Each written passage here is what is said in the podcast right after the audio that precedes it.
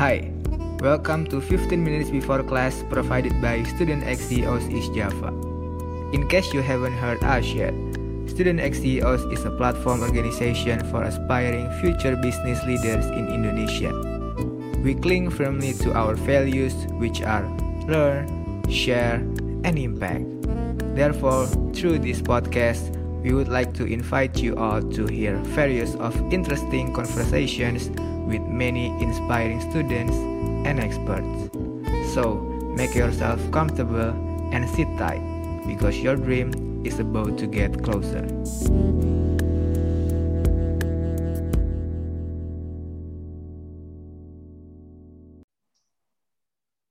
Ladies and gentlemen, back with your host Fatih Kanza, recording from Surabaya, East Java. Perkembangan K-pop bisa dibilang sangat marak nih, terutama selama genap 2 tahun pandemi berlangsung. Sebut aja beberapa nama kayak BTS, NCT, Blackpink, dan masih banyak lagi grup band K-pop yang berkali-kali mendobrak tangga lagu internasional, bahkan di bidang lain kayak food and beverage, merchandise, dan virtual concert. Mungkin kalian juga sadar nih, di sekitar kalian mulai dari keluarga sampai teman-teman deket, yang dulu mungkin nggak tahu bahkan nggak suka sama produk K-pop, baru-baru ini mulai tanda kutip keracunan nih sama industri yang berasal dari Korea Selatan tersebut. Hari ini gue bakal bahas K-pop bareng orang yang udah cinta banget sama K-pop dari zaman SMA mungkin bahkan sampai SMP. Dan apakah K-pop punya arti lebih dari sekedar musik bagi fans-fans lamanya? Ladies and gentlemen, please welcome Zahra Nur Anissa. Halo Zahra. Hai guys. Apa kabar? Lagi di mana? Baik-baik. Gue sekarang lagi ada di kos nih di Surabaya. Oke, Zahra juga salah satu staff operation di Student Axios East Java. Dan hari ini kita, hari ini kita bakal ngomongin beberapa hal tentang K-pop nih ya, Zah. Yes, benar banget. Oke, uh, tadi aku udah singgung beberapa hal dan mungkin audiens kita belum banyak yang tahu nih. Sebenarnya K-pop itu apa sih? Oke, jadi eh, singkatnya aja ya, Ti. K-pop itu sebenarnya kepanjangan dari Korean pop. Jadi itu suatu genre musik yang datang itu dari Korea. Nah, biasanya nih lagu-lagu K-pop itu bahasanya bahasa Korea sendiri kan. Cuman hmm. kadang bisa di kayak di mix sama lagu sama bahasa Inggris atau bahasa lain. So it really depends on the producer gitu. Oke, okay. karena sekarang banyak banget kan uh, yang gue tahu ya, kayak BTS udah mulai banyak yang pakai full English gitu ah, kan, ah, iya, beberapa iya. juga udah pakai full English. Itu hmm, emang mereka hmm, emang tetap bisa dibilang K-pop ya? Bisa, aku rasa it's because artisnya uh, di, mereka debut di Korea kan. Hmm. Cuman I think uh, dengan mereka pakai bahasa Inggris itu they can connect more ke international fans gitu. Oke, oke. Okay, okay. Tadi aku sempat singgung juga nih tahun ya 2020 sampai sekarang kali ya. Perkembangan hmm. K-pop tuh beneran pesat banget gak sih, Zah? Iya, bener banget, bener banget. Apalagi iya. kayak mereka tuh bener-bener menyasar pasar di Indonesia, kayak gabung sama e-commerce dari Indonesia dan lain sebagainya. dan uh, seperti yang kamu tahu juga, banyak banget nih fans baru atau pendatang baru yang suka K-pop. Menurut kamu gimana, Zah? I think itu to be expected banget sih, Ti. Because di tahun 2020, apalagi di awal-awal ya, lu kan tahu kan, itu tuh awal-awal lockdown gak sih covid mm. tinggi mm. terus kita nggak boleh keluar rumah terus ya udah kayak sumber kebahagiaan kita itu terbatas banget kan nah I think teknik marketing K-pop itu pinter banget untuk ngeluarin you know like online concert fan meeting online di waktu-waktu segitu. Nah itu banget di mana artis-artisnya mereka bisa ngebond sama you know the, their fans. Dan kita fans juga bisa apa ya dapetin positive energy dari artisnya. Apalagi di masa you know di mana kita semua pasti kayak lagi capek-capeknya nggak sih sama you know all of these changes yang ada so I think uh, cara mereka merubah segala aktivitas offline mereka ke online itu tuh pas banget sih di tahun 2020 and that makes them even apa ya become more better gitu. Kita sih gitu. Iya ya tapi uh, kalau kita lihat dari, oke, okay, kita lihat dari sisi marketing, mereka benar-benar ya tanda kutip tepat sasaran lah ya. Cuma kalau ngomongin tentang fans atau pendatang baru yang apa ya? Tadi aku sempat singgung juga sih kayak mungkin mereka dulu nggak tahu K-pop, nggak suka bahkan terus sekarang mereka tiba-tiba suka gitu dan banyak banget kelakuan kelakuannya yang aneh-aneh gitu nggak sih Zah? kayak sangat apa ya? Kayak baru dua hari langsung uh, langsung fanatik gitu ya langsung ya langsung fanatik itu uh, menurut kamu kayak apakah kamu dulu pas awal-awal ataukah apakah itu lazim dialami sama orang yang baru suka sama K-pop? Itu lazim banget nih. Terus oh, ya, ya gue dulu SMA gitu banget, gue boros banget dalam hmm. membeli merch-merch. Dan gue juga ngeliat temen-temen gue juga kayak gitu. Jadi tuh di awal lu suka K-pop, di awal lu diperkenalin dengan K-pop, lu tuh pasti boros banget lu beli semua merch yang you know ada muka mereka, yang ada oh, logo yeah. mereka, nama mereka lu beli semuanya.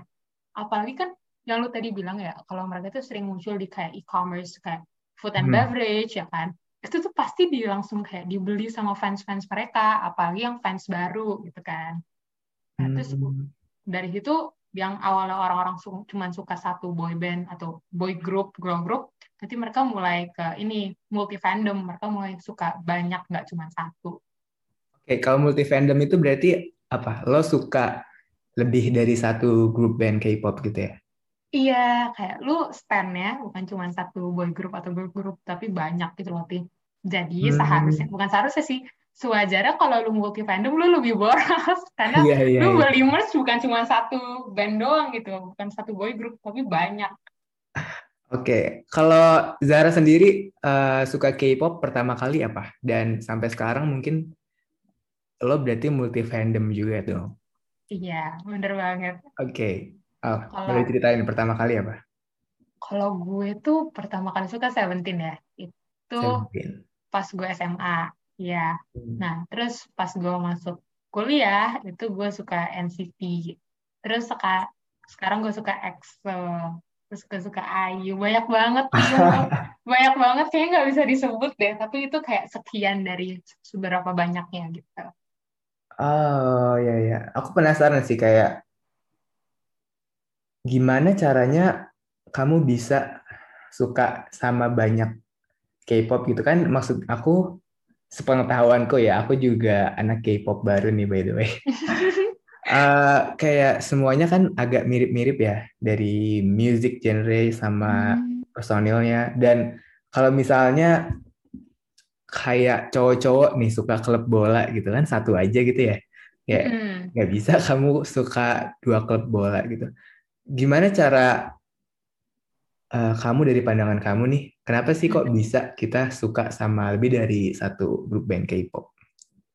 Hmm, kalau gue biasanya suka kayak pas dulu ya di kayak pas awal-awal gue suka satu boy group doang itu hmm. tuh gara-gara gue suka sama ini kayak like their content gitu loh konten mereka biasa kan mereka ada vlog ya atau enggak oh, biasanya yeah. mereka ada konser ada video apa gitu musik video gue suka dari situnya tapi lama kelamaan gue suka kayak uh, you know like ciri khas musik dari setiap artis you know biasanya kan hmm. kan tiap artis itu mereka punya like their own style nggak sih Ya. Nah, biasanya yang orang multi fandom mereka mulai apa ya their range of music itu lebih wide gitu. Mereka bisa lebih suka bukan cuma satu genre tapi banyak.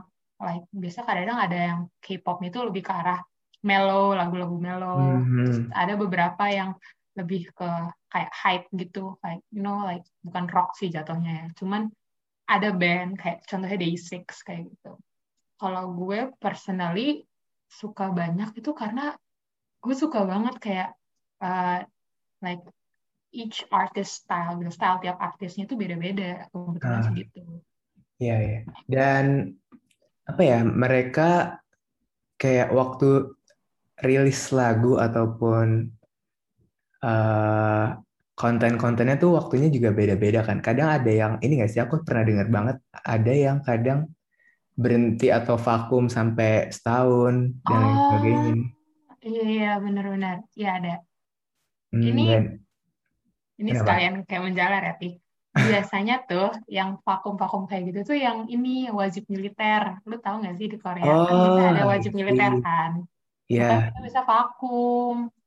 Gitu. Oh, mereka juga tetap kena wajib militer ya. Aku baru tahu. Oh iya, iya, iya mereka wajib, iya mereka wajib masuk itu militer itu wajib militer. Makanya bisa Hmm. vakumnya satu tahun yang kata lu, lu bilang tadi. Oh iya iya iya iya. iya. Kalau buat eh, Zahra sendiri nih yang udah ngikutin K-pop dari lama dan udah ya istilahnya invest ke banyak eh, grup band K-pop gitu. Hmm. Selain daripada kamu dengerin genre musik dan dengerin kontennya, buat Zahra sendiri yang udah ngikutin K-pop dari SMA, hmm, K-pop punya arti tersendiri nggak sih bagi eh, kehidupan pribadi Zahra? Punya banget sih, Ti. Gue rasa K-pop in a way ya, mereka udah kayak nge-change my life. Kadang dari cara gue ngomong gitu, Hmm. kadang gue nggak full ngomong bahasa Indonesia orang-orang, kadang tiba-tiba ada bahasa Korea yang nyampur. Terus dari cara biasa gue nonton, lu tau gak sih kayak kita nggak ngomong K-pop in general ya, tapi kadang-kadang ke K-culture-nya kayak mukbang, gue sering banget nonton mukbang, terus drakor. I think overall K-pop itu kayak ngasih kebahagiaan kecil yang selalu ada di tiap hari gue. Dan itu tuh yang selalu I'm, I'm very grateful of gitu, having K-pop in my life karena itu. Hmm, Dan banyak juga kayak orang-orang yang justru mental health-nya itu kebantu banget sama apa ya? Jadi K-pop tuh jadi pelarian mereka gitu loh. Bener banget, bener banget, iya. Iya kan? Kayak justru yang ada di ups and downs dari perjalanan orang justru K-pop. Iya nggak sih? Iya, iya bener Banyak banget. banget orang-orang yang kayak gitu. Ah, ah. Iya, banyak banget temen gue juga kayak gitu, Ti, bener. Hmm, iya iya iya iya. Oke, eh, kebetulan aku juga anak K-pop baru gitu. Aku pertama kali aku suka K-pop itu 2020 kalau nggak Oh salah. iya. Waktu eh, Blackpink itu rilis apa ya? Kayak film dokumenter di Netflix dan aku nggak Oh. sengaja, aku nggak sengaja mencet gitu dan aku nonton kayak Oh wow God. ternyata buat perform satu lagu tuh persiapannya kayak berhari-hari gitu loh Zah dan keren gitu. Iya. Oh my God. Welcome, Fatih. dan dan itu jadi apa ya selama dua tahun ya dua tahun gue ngikutin dan suka K-pop lah gue Hmm. jadi menyadari gitu banyak banget orang yang terutama ya cowok ya wajar Hmm. kayak masih ba- masih takut banget atau malu nih buat nunjukin nunjukin apa ya kalau dia tuh suka K-pop gitu Hmm, mm, mm. buat eh, Zahra nih yang ya udah lebih lama lah dari aku dan mungkin kebanyakan orang yang suka K-pop waktu pandemi ya. Hmm. Eh, pesan nih buat kita orang-orang yang suka K-pop dan masih takut nih atau malu nunjukin kalau kita tuh suka. Gimana Zah? Hmm, mungkin pesan dari aku untuk teman-teman dan Fatih terutama eh, ini be passionate about what you love. Meskipun orang-orang nggak punya kesukaan yang sama sama kamu, it doesn't mean that you should fit into their standards. Just let the positive energy that comes from what you love empowers you. Just be confident aja kalau kata aku sih gitu. Oke. Sayang banget karena jawaban itu jadi sekaligus closing statement dari episode hari ini. Thank you banget Zah udah mau ngobrol-ngobrol bentar bareng 15 minutes before class. Yes, thank you Fatih for having me. Thank you and thank you so much guys for listening this episode. I hope you enjoy this one and keep learn, share and impact. Thank you. Bye.